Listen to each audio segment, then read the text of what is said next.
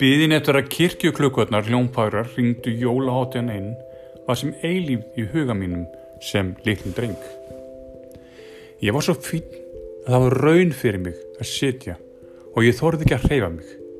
Þögnin geti klift mig eins og litlu kallana í útvarpinu og hvað er þið þá um mig? Það var sem myrkrið sótti aður öllum áttum, skreiðum golfu upp um veggi, gafst ekki upp við að minna á sig. Flögtandi byrtan af kertaljósinu á miðjuborðinu fyrir fram að sófa stóri sístur kastaði eitt um rungalegri byrtu á veggi herbyggisins. Það var eins og veggurinn hefði öllust líf. Byrtan var allt annað en flögilsmjúk, eins og sýsti talaðum, ángur væri rötu. Ég reynda veikum mætti að mæta þessum veruleika af karlmennsku sex ára guttin.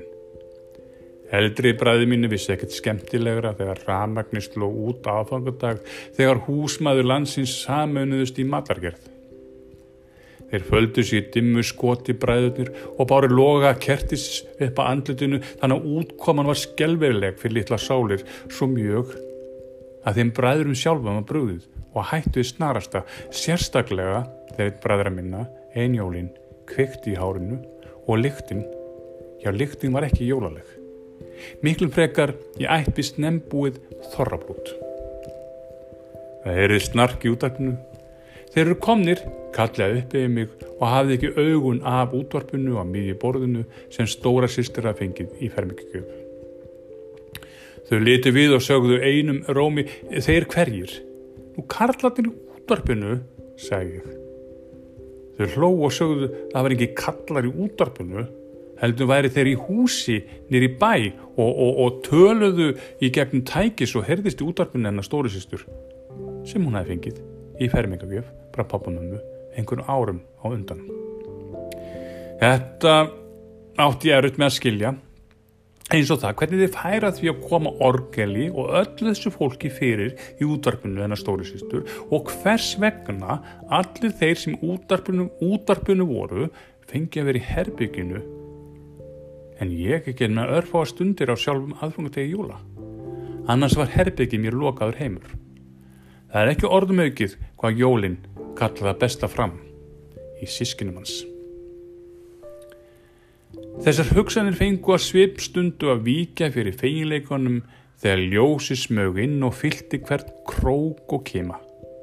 Upphóst söngur og hljóðfærasláttur inn í útarpinu. Sískinni mín sáti bein í baki með hendur í kjöld og verðist hlust af antakt og svipurinn og andliti þeirra tók undir. Á meðan lættist hugur minn hljóðlega undir jólatriði sem fengi brátt að sjá. Ég skildi við hugsununa því að hindranir voru í veginum að ég kemist ángað eins og eitt stykki jólagvöðs þjónustegi útarpinu, langdregin hjátíðar kvöldverður, grjónagrautur með mundlu og ekki má gleyma uppvaskinu áður en teki var til við að deila og opna jólapaka. Maður er að segja stóru sískinu minn hjálpuðu til við uppvaskið. Skrítið. Já, skrítið hvað jólinn kalla það fram það besta í okkur. Það skild þó aldrei vera myrkri og þögnin að vera einmanna og ákveða að víkja fyrir ljósi heimsins eins og stundum er sagt með fæðingu Jésúbarsins. Aldrei sem á jólum fáum við að baða okkur í byrtu þess sem kom í þennan heim, pættist og var lagður í jötu og heimurinn varð ekki samur og eftir. Eða er þetta miskilningur í verald efnishyggju nútímast? Ekki ósýpa því þegar lítill gutti kom hágrátandi heim úr sunnadagsskólunum fyrir einhverjum árum síðan og segði mömmu sína Mamma, veistu hvað? Jésu barn var svo fátagt að það fættist í lötu. Jólin fæðingarháttur frelsarans er svo sannlega að ganga í gard tilfur okkar og byrta þess fyllir út í vitund hvers og eins.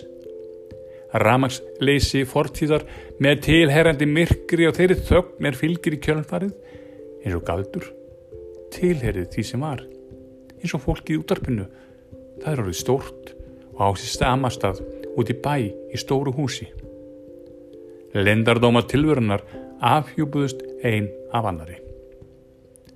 Ramagsleysi og myrkursins þögn getur einungis sesta að um stundasakir og gliftur röttu og hljóm, en hljómurinn og ljósið lifir.